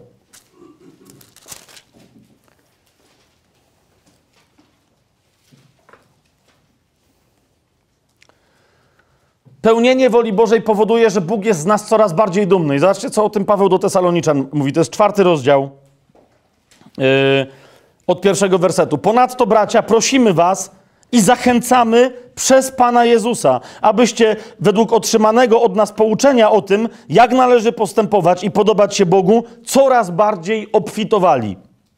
Wiecie przecież, jakie nakazy daliśmy wam przez Pana Jezusa. Taka jest bowiem wola Boga. Nawiasem mówiąc, jak ktoś mi powie, że nie widział w Biblii jakiegoś sformułowania, jaka jest wola Boga, to weźcie go odnieście do pierwszego do Tesaloniczan. Taka jest wola Boga. Tu jest napisane wyraźnie. Taka jest bowiem wola Boga, wasze uświęcenie, żebyście powstrzymywali się od nierządu, aby każdy z was umiał utrzymać swoje naczynie w świętości i poszanowaniu, nie w namiętności rządzy, jak poganie, którzy nie znają Boga, i aby nikt nie wykorzystywał i nie oszukiwał w żadnej sprawie swojego brata, bo Pan jest mścicielem tego wszystkiego, jak wam to przedtem mówiliśmy i zaświadczaliśmy.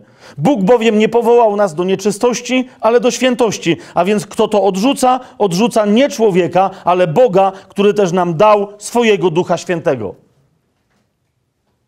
Po tym, co dzisiaj powiedziałem o miłości braterskiej, nawet już nie będę wspominać, podobnie jak i Paweł w dziewiątym wersecie powiada, a o miłości braterskiej nie ma potrzeby wam pisać.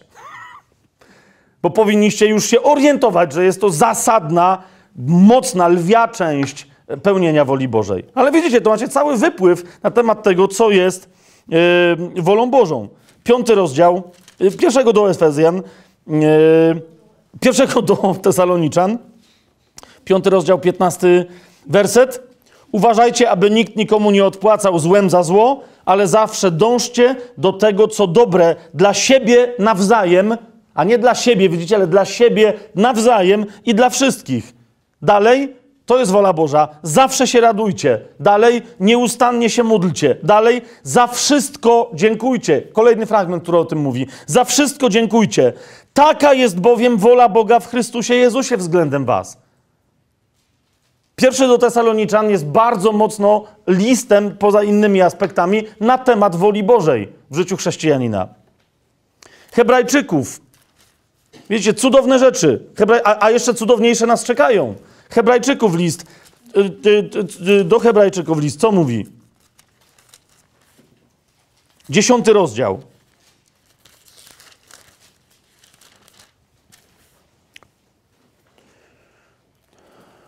Trzydziesty szósty werset. Dziesiąty Hebrajczyków. Nawiasem mówiąc, zwróćcie uwagę, w jakim kontekście ten, ten werset się pojawia bardzo bliskim, w kontekście powrotu Pana, 37 werset, bo jeszcze tylko bardzo krótka chwila, a przyjdzie ten, który ma przyjść i nie będzie zwlekał. I 38 werset, a sprawiedliwy będzie żył z wiary, lecz jeśli się ktoś cofnie, moja dusza nie będzie miała w nim Yy, czy, co ja czytam? 38 werset, 36 werset. Potrzeba wam bowiem cierpliwości, abyście wypełniając wolę Boga, dostąpili spełnienia obietnicy. To jest kolejna rzecz. Y, nie pełni się woli Bożej od skoku do skoku i od doskoku do zeskoku i tak dalej. Ale pełni się, wchodzi się w tryb pełnienia woli Bożej. W ten sposób widzicie oczekiwania, 37 y, werset, bo jeszcze tylko bardzo krótka chwila, tak? To, to jest to. To jest element oczeki, to jest element czuwania, cierpliwe pełnienie woli Bożej, która jest jaka? Dobra, przyjemna i doskonała. Tak?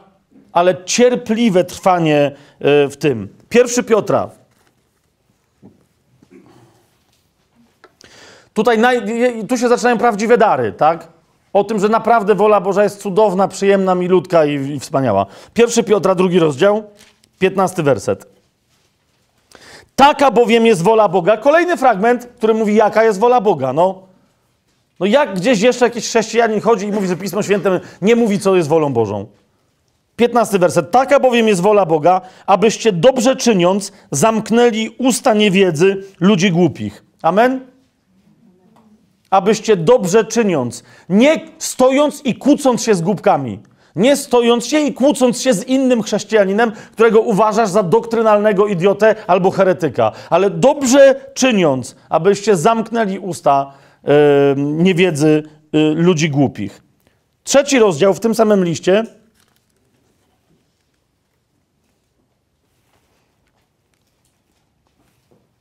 Od 13 wersetu mniej więcej.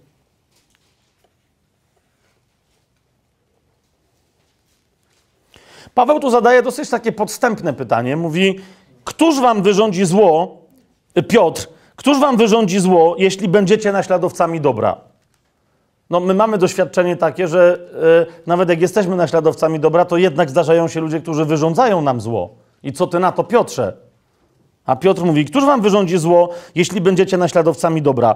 Ale jeśli nawet cierpicie dla sprawiedliwości, błogosławieni jesteście. Szczęśliwi. Nie bójcie się ich gruźb, ani się nie lękajcie. Lecz Pana Boga uświęcajcie w waszych sercach i bądźcie zawsze gotowi udzielić odpowiedzi każdemu, kto domaga się od was uzasadnienia waszej nadziei z łagodnością i bojaźnią. Miejcie czyste sumienie, aby za to, że mówią o was źle, jak o złoczyńcach, zostali zawstydzeni ci, którzy zniesławiają wasze dobre postępowanie w Chrystusie Jezusie. I teraz uważajcie, kluczowe wersety. Lepiej bowiem, jeśli taka jest wola Boga, cierpieć czyniąc dobrze, aniżeli czyniąc źle. Teraz zauważcie, to jest jeden z tych momentów, niektórzy mówią, no i czyli jednak dojechaliśmy. Jest wola Boga w cierpieniu? Jest. Zauważcie, to jest jeden taki fragment, no nie jeden, ale jeden z naprawdę niewielu, który mówi, jeśli taka jest wola Boga. W tym konkretnym przypadku Paweł mówi: Nie zawsze, kiedy czyniąc dobrze cierpisz, nie zawsze to jest wola Boga. Jeśli jest to wola Boga. Widzicie to? Lepiej bowiem, jeśli taka jest wola Boga, cierpieć czyniąc dobrze, aniżeli czyniąc źle. Gdyż i Chrystus raz za grzechy cierpiał, sprawiedliwy za niesprawiedliwych, aby nas przyprowadzić do Boga. Uśmiercony w ciele, ale ożywiony duchem. Tu Paweł, nawias, Piotr, nawiasem mówiąc, odnosi się do czegoś bardzo istotnego w życiu chrześcijanina, mianowicie mówi yy, o tym, że by móc się cieszyć, rozeznać trzeźwo, i, i, i, ale jak rozeznasz, że to jest wola Boża, to robisz dobrze, a tu spada na ciebie jakieś zło. Żeby się ucieszyć z takiej woli Bożej, tym, co cię uzdatnia do takiej reakcji, że mówisz, błogosławiona jestem, szczęśliwy jestem, na taką historię, tym, co cię uzdatnia, jest zanurzenie się raz na zawsze, a nie raz na zawsze, aż do powrotu Pana Jezusa, jest zanurzenie się i schronienie się w śmierci Jezusa. Przez co? Przez chrzest. Zobaczcie 21 werset. Y, od 20 werset i 21. Niegdyś nieposłusznym, gdy za dni Noego raz oczekiwała Boża cierpliwość, kiedy budowano arkę, w której niewiele, to jest osiem dusz, zostało uratowanych przez wodę, teraz też chrzest, będąc tego odbiciem, zbawia nas. Nie jest usunięciem cielesnego brudu, ale odpowiedzią czystego sumienia wobec Boga przez zmartwychwstanie Jezusa Chrystusa. Widzicie to? To rozważanie o tym cierpieniu nie do końca sprawiedliwym Paweł, Piotr wyraźnie odnosi do mocnego, e, do bardzo mocnego e, działania chrztu. I jeszcze raz, zobaczcie, e, czwarty rozdział w tym samym liście Piotra. Jan powiedział: Nie bądźcie przyjaciółmi świata, ale trwajcie w miłości Ojca, bo jedno z drugim nie gra. A tutaj Piotr mówi: Miłość Ojca jest pełnieniem woli Ojca. E, czwarty rozdział, drugi werset. Żyjcie aby żyć, no bo tam jest pierwsze zdanie, aby żyć resztę czasu w ciele, już nie dla ludzkich porządliwości, ale dlaczego? Dla woli Boga. Widzicie, wola Boga jest bezpośrednio związana z doświadczeniem, z doświadczeniem Bożej miłości. I pierwszy Jana, jeszcze sobie, ostatni cytat, jaki już, już wystarczy, tak? Ale to ostatni cytat. Pierwszy Jana, drugi rozdział, yy, 17 werset. Pierwszy Jana, drugi rozdział, 17 werset. E, bo niektórzy mówią, że no tak, Jan pisał o różnych rzeczach, ale o, ale o woli Bożej nie. No z całym szacunkiem. Drugi rozdział, 17 werset. Świat przemija razem ze swoją porządliwością, a kto wypełnia wolę Boga, trwa na wieki. I, i, I, dlatego, dlatego widzicie, jak to się wiąże z Piotrem, to co powiedziałem? Cały czas to samo. Dlatego nie ma sensu się przyjaźnić ze światem, bo to jest ścierwo. To jest strata czasu, poświęcanie tego czasu na coś, co się właśnie zatraca. Tak? Zatraca się, przemija e, wraz ze swoją porządliwością cały świat. A ten, kto wypełnia wolę Boga, trwa na wieki. Z tym, co w ramach tej woli Bożej wypełnił. To są dzieła, do których jesteśmy stworzeni. To jest, innymi słowy, wypełnianie e, woli Bożej. dobra, to miał być ostatni werset, ale jeszcze mi jeden. E, jeszcze mi jeden chodzi po głowie. I ten już naprawdę jest już ostatni. Jest już ostatni. E, bo, bo, bo, wciąż ludzie pytają, no ale ja wciąż czasem nie wiem ogólnie, dobra, pismo, tak, dobra, zgadzam się, pokazuje mi wolę Bożą, ale czasem mam, wiesz, konkretny konkretną rzecz w swoim życiu. Jest to albo tamto. Mam podjąć decyzję. Ja i nie wiem. Jak mam rozeznać, że to, co mi się wydaje, że że mówi mi Bóg, że to mówi mi Bóg? List do Filipian, drugi rozdział.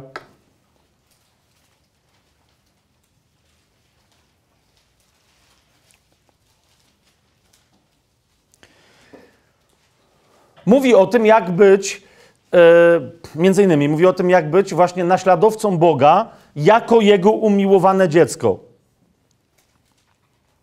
15 e, e, werset mówi, byśmy byli nienagannymi i niewinnymi dziećmi bożymi, bez zarzutu, bez zarzutu pośród narodu złego i przewrotnego, wśród którego świecicie jak światła na świecie. Widzicie to? Ale teraz to jest 15 werset, ale popatrzcie na 13 jak Bóg mówi do ciebie. Naprawdę masa chrześcijan dzisiaj oczekuje jakiegoś takiego głosu w sobie, który im powie w lewo albo w prawo. A potem mówią, a może to ja sobie wymyśliłem? I się wtedy odzywa jakiś inny głos środkiem. I on mówi, a może to szatan? A wtedy jeszcze inny głos mówi, cofnij się, cofnij się, tak boczkiem w lewo. I ten mówi, to gdzie ja mam się w końcu ruszyć? Trzynasty werset. Pamiętaj, Bóg sprawia w nas i chęć, i wykonanie, które jest zgodne z Jego upodobaniem. Widzisz to? Co to oznacza? Że żeby zrobić coś zgodnie z wolą Bożą, trzeba odnaleźć w sobie chęć do zrobienia tego czegoś. Rozumiesz? Bóg, jak chce, żebyś coś zrobił albo żebyś coś zrobiła, to, to nie stoi z boku, właśnie to, jest, to nie jest to, stoi z boku i mówi, chcę, żebyś był księdzem. A ty mówisz, ale nie, jestem biblijnie wierzącym chrześcijaninem. Nie. Ale właśnie tak chcę. Tak, tak, tak cię przeczołgam. No, coś takiego, to jest bez sensu. To, to jest to dziwne wyobrażenie, tak? I my się śmiejemy, że, że właśnie, że niektórzy tak, nie wiem, w, w, takiej czy innej tam denominacji, czy w takim czy innym kościele robią, ale jeszcze raz, a tutaj co? Cały czas jest takie, no tak, Bóg nie może kogoś zmuszać, po czym czekają, wiecie, na ten głos, nie? No. Boże. Był taki film, yy, o, nawiasem mówiąc, dosyć ciekawy film, yy, o takich dziwnych, dosyć ekstremalnych, przebudzeniowych yy, protestantach z południa Stanów Zjednoczonych. Wie, wiecie, tych, te, ja nawiasem mówiąc ich lubię, te ich modlitwy i ten, całą tą kulturę taką, wiecie, Hallelujah, ha, Jesus, ha. I tam, wiecie, głoszenie, tak? Chodzenie z dzwonkiem. Jezus! Jezus głosi pobudkę. Hallelujah! Ha! Jesus! I tak dalej. No wiecie, to ci, ci goście, tak? I y, ten film był o takim pastorze, y, bo on dobrze pokazuje, jak wiecie, na, nagrzanie się takie dziwne, wyglądające na duchowe, jest de facto duszewne, tak? I jak z takiej namiętności niby Bożej, bardzo łatwo wpaść w namiętność no, ludzką. E, ten pastor, dowiadując się, że żona go zdradza, wiecie, wstyd dla pastora, Stany Zjednoczone, południe, tak? Chciał nieco skarcić tego chłopa, z którym ona go zdradzała, który był chyba organistą, czy kimś tam, jakimś tam liderem uwielbienia, nazwijmy to. Chciał go raz tak dla postrachu czepnąć yy, baseballem, ale tak dobrze trafił, że go zabił, tak? No i on w ramach tego, tej historii, ale nie, naprawdę, to ja opowiadam trochę głupkowato, a to jest taki, wiecie, yy, dosyć, na, naprawdę dobry film z Robertem Diwalem, on się Apostoł nazywał chyba, The Apostle. Więc, yy, więc on stwierdza, że yy, jest Y, nie, wiecie, jest pobożnym chrześcijaninem, ucieka, chrzci się w wodzie, więc no, już ma kolejne w swoim życiu nowe narodzenie i pod innym imieniem trafia gdzie indziej i zaś głosi Ewangelię, jakby nigdy nic, no bo po raz 16 się ochrzcił, tak? Jakieś te, no i głosi tam Ewangelię przez radio i tak dalej. Ale, yy, więc nawiasem mówiąc, jak mówię, nie wiem, czy gdzieś to jeszcze można obejrzeć. Bardzo interesujący film, może wiele pytań yy, nam jako chrześcijanom postawić, kiedy my mamy jakie, wiecie, zachowania i które są naprawdę duchowe, a które są tylko duszewne. Ale między innymi właśnie takie dziwne zachowanie, i teraz zauważ, no, czy to jest jego tylko dziwne zachowanie, on właśnie jak tam yy, po tym chrzcie swoim ucieka, ale nie wie, gdzie ma jechać, tak? No więc rozeznaje wolę Bożą.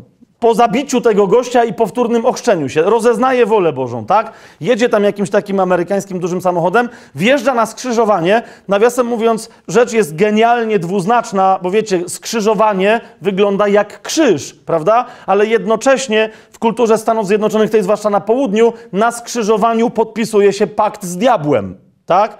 I on na tym skrzyżowaniu najpierw jest takie ujęcie, wiecie, dalekie, wjeżdża samochód, on tam w środku na to skrzyżowanie, próbuje skręcić, potem próbuje skręcić i tak coraz szybciej zaczyna w kółko jeździć po tym skrzyżowaniu, tak?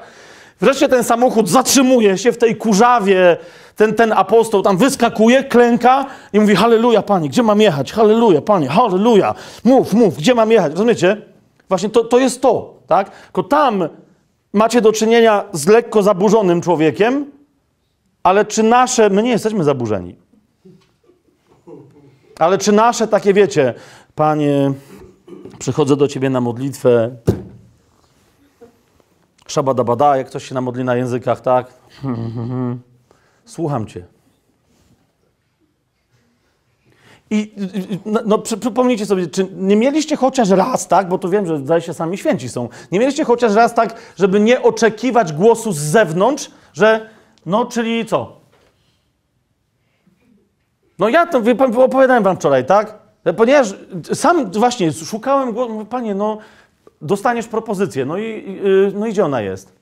I wreszcie sam sobie dałem głos do, do 15. Halo? Do 15.